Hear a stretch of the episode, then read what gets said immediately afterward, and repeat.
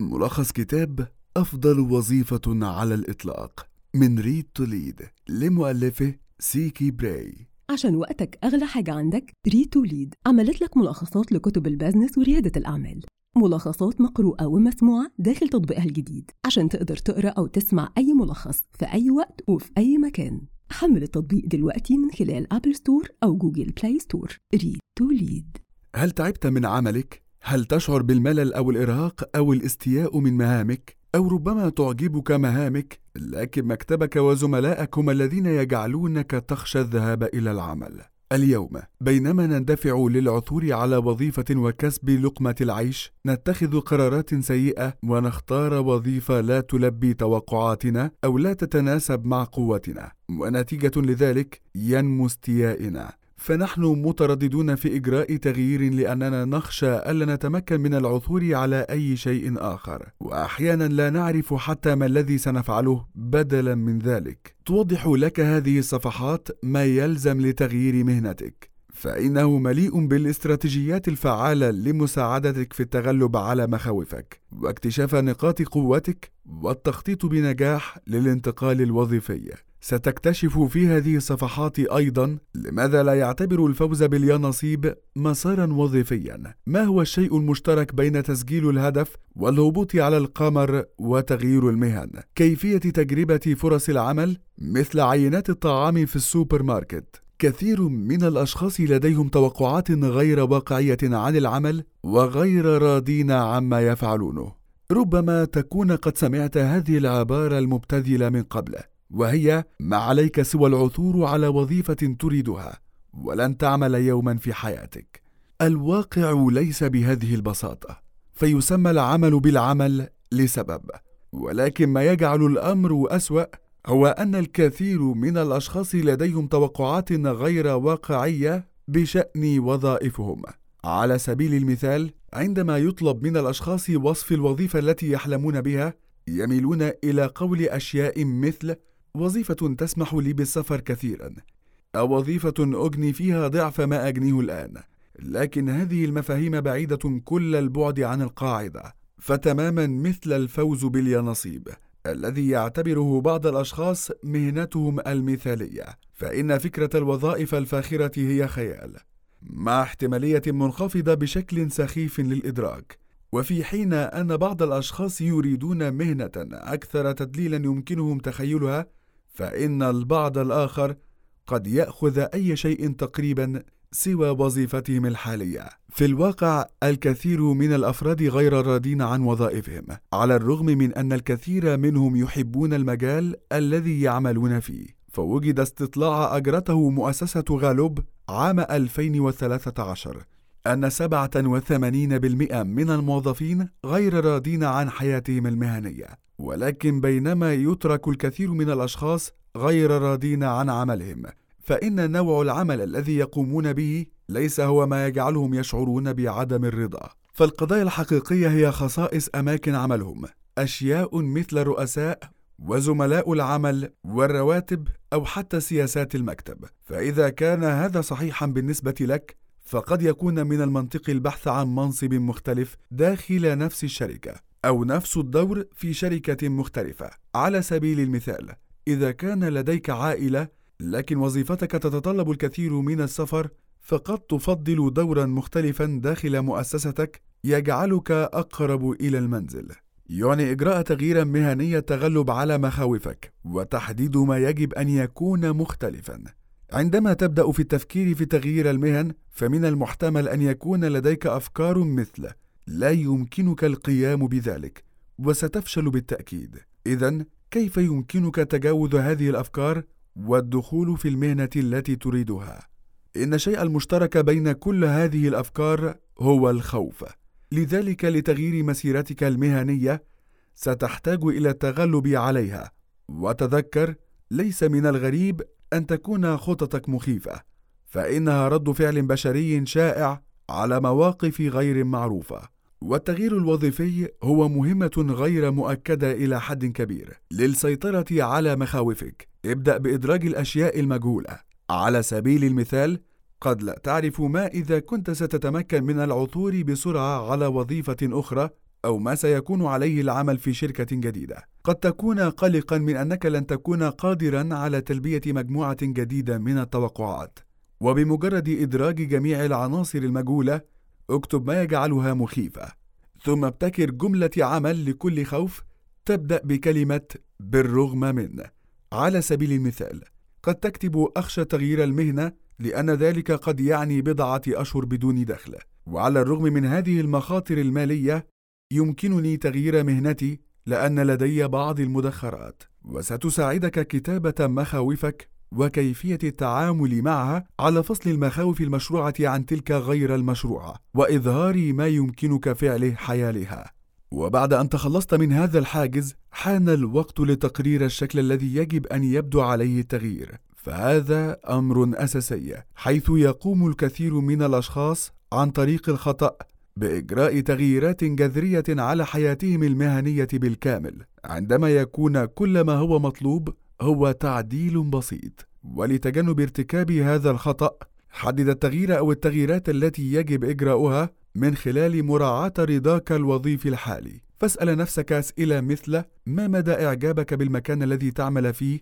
والأشخاص الذين تعمل معهم؟ وهل تتقاضى نفس رواتب الآخرين مع منصبك؟ فمن خلال الإجابة على هذه الأسئلة ستحصل على فكرة أفضل عما إذا كان يجب عليك تبديل الأقسام أو تغيير الشركات أو اختيار مهنة مختلفة تماما. ضع خطة خمسية لتغيير حياتك المهنية لتحديد طريقك وتقليل مخاوفك. يحاول الكثير من الأشخاص إجراء تغييرات كبيرة في حياتهم، من الإقلاع عن التدخين إلى إنقاص الوزن إلى التوقف عن قضم الأظافر. لكن في كثير من الأحيان يفشل الأشخاص في الالتزام بهذه الخطط وهذا لا يعني أن التغيير مستحيل فإنه يوضح فقط أنه يتطلب مزيجا معينا من التفكير على المدى القصير والطويل.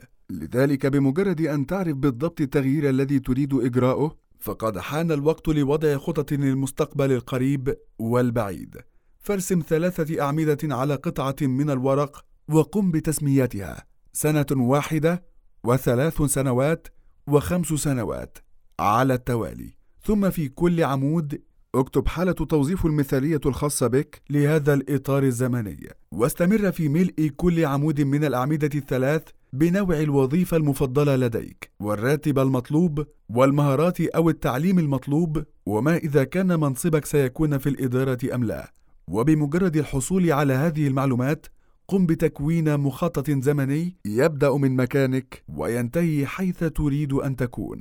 ستدون هذه العملية أهدافك على الورق لكنها ستساعد أيضا في تقليل أي مخاوف قد تكون لديك بشأن العثور على وظيفتك المثالية. فسيعطيك بعض التفاصيل المحددة للغاية حول المسار الذي تريد اتباعه على مدى السنوات الخمس المقبلة والمعرفة التي تعتبر أساسية لإخماد مخاوفك. على سبيل المثال، بعد إكمال هذه العملية، ستتمكن من البدء من الحصول على التدريب الذي تعلم أنك ستحتاج إليه، والبحث عن الوظائف التي تلبي متطلباتك. وسيسمح لك ذلك بتحديد عدة أهداف صغيرة قابلة للتحقيق، تقلل من الخوف من حدوث تغيير كبير وتعطيك فرصة أكبر لتحقيق هدفك. يمكنك استخدام شبكتك لتغيير المهن، حتى لو كان لقاء أشخاص جدد يجعلك قلقًا، مثلما يتعين على الشركات الاستفادة من مواردها لتحقيق الأرباح، فأنت بحاجة إلى الاستفادة من مواردك،